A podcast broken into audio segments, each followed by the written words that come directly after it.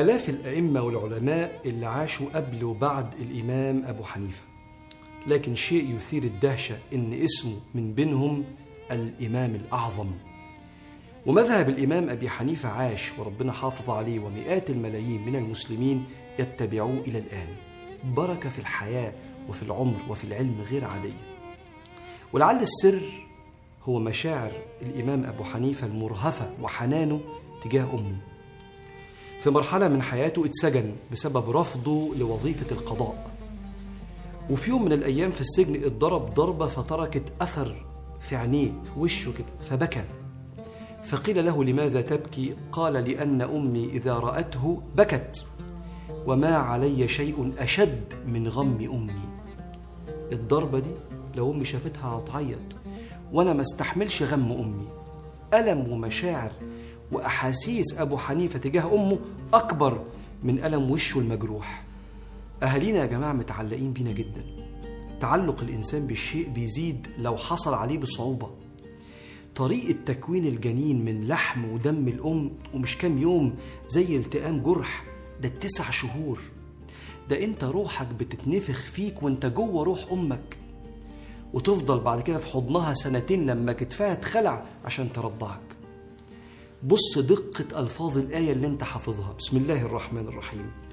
ووصينا الإنسان بوالديه حملته أمه وهنا على وهن وفصاله في عامين. والآية الثانية الأشهر وحمله وفصاله في عامين. كذا معنى. المعنى الأول ووصينا الإنسان. والوصية هي العهد الذي ستسأل عنه. فالموضوع لا هيعيش معاك لغاية ما ربنا يسألك عنه يوم القيامة. ووصينا. حملته أمه وهنا على وهن. الوهن الأول هو ضعف جسد المرأة والوهن الثاني الحمل اللي بيهلك الستات. ثم بعد كده في حضنها سنتين عمالة ترضعك وفصاله في عامين. عشان كده خاطر الأم والأب كمان بينكسر من أقل إساءة. ما تستغربش وأنت حافظ. إيه المشكلة إن إحنا حافظين؟ ربنا قال فلا تقل لهما أف. ده مش دي مش كلمة. دي كلمة أف دي أقل درجات الاعتراض اللي بتكسر قلب الأب والأم لأن هم خاطرهم حساس جدا تجاهك يا غالي ويا غالي عندهم. ولم تذكر كلمة أف دي في الأقارب والأصحاب لأنها ممكن ما تأثرش فيهم زي ما بتأثر في الأهل. عشان كده الآية عجيبة. بسم الله الرحمن الرحيم. كلمة على الأب والأم وإن جاهداك لتشرك بي ما ليس لك به علم فلا تطعهما وصاحبهما في الدنيا معروفة أنت عارف معنى الآية دي إيه؟ ربنا بيقول لك لو أبوك وأمك سابوني وأنا ربك ما تسيبهمش. اكرمهم اكرمهم عشان هسألك عنهم حتى لو كفار وبيدعوك للكفر. شوف ساعات في النادر بيكون في قسوة من الأهل مش بيعين الأبناء ولا البنات على البر. وده من أصعب اختبارات الحياة الأب والأم الأسيين أقول لك لو مش قادر مع الأب والأم الأسيين تكون في أعلى درجات البر لا ترد إساءتهم بالإساءة. ويبقى برك إنك أنت ما تسئش لو مش قادر تبقى في أعلى درجات البر اللي بنقرأ عنها ونسمع عنها. لكن لو أهلك ناس طيبين وده غالبية الأهالي هقول لك واحد كن دائم الاعتذار. لما يحصل جفا ما بينك وما بين أبوك أو أمك دايما بادر بالاعتذار. عشان هما مش بيستحملوا الجفا ده. وساعات بيبقى من جواهم كده عزة نفس إنه ما يعتذرش لابنه أو بنته. فلو سمحت اقطع أنت الجفا وبادر بالاعتذار إكراما لله ورسوله. قال صلى الله عليه وسلم إن الله حرم بص إن الله حرم عقوق الأمهات ووأد البنات. وأد البنات إنك تقتل بنتك. شوف حط جنبها عقوق الأمهات. لأن عقوق الأمهات بيقتلهم نفسيا.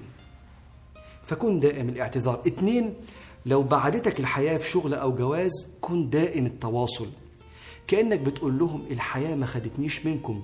أنتوا زي ما أنتم متربعين على عرش قلبي. ثلاثة الاحتياجات المالية. فريضة.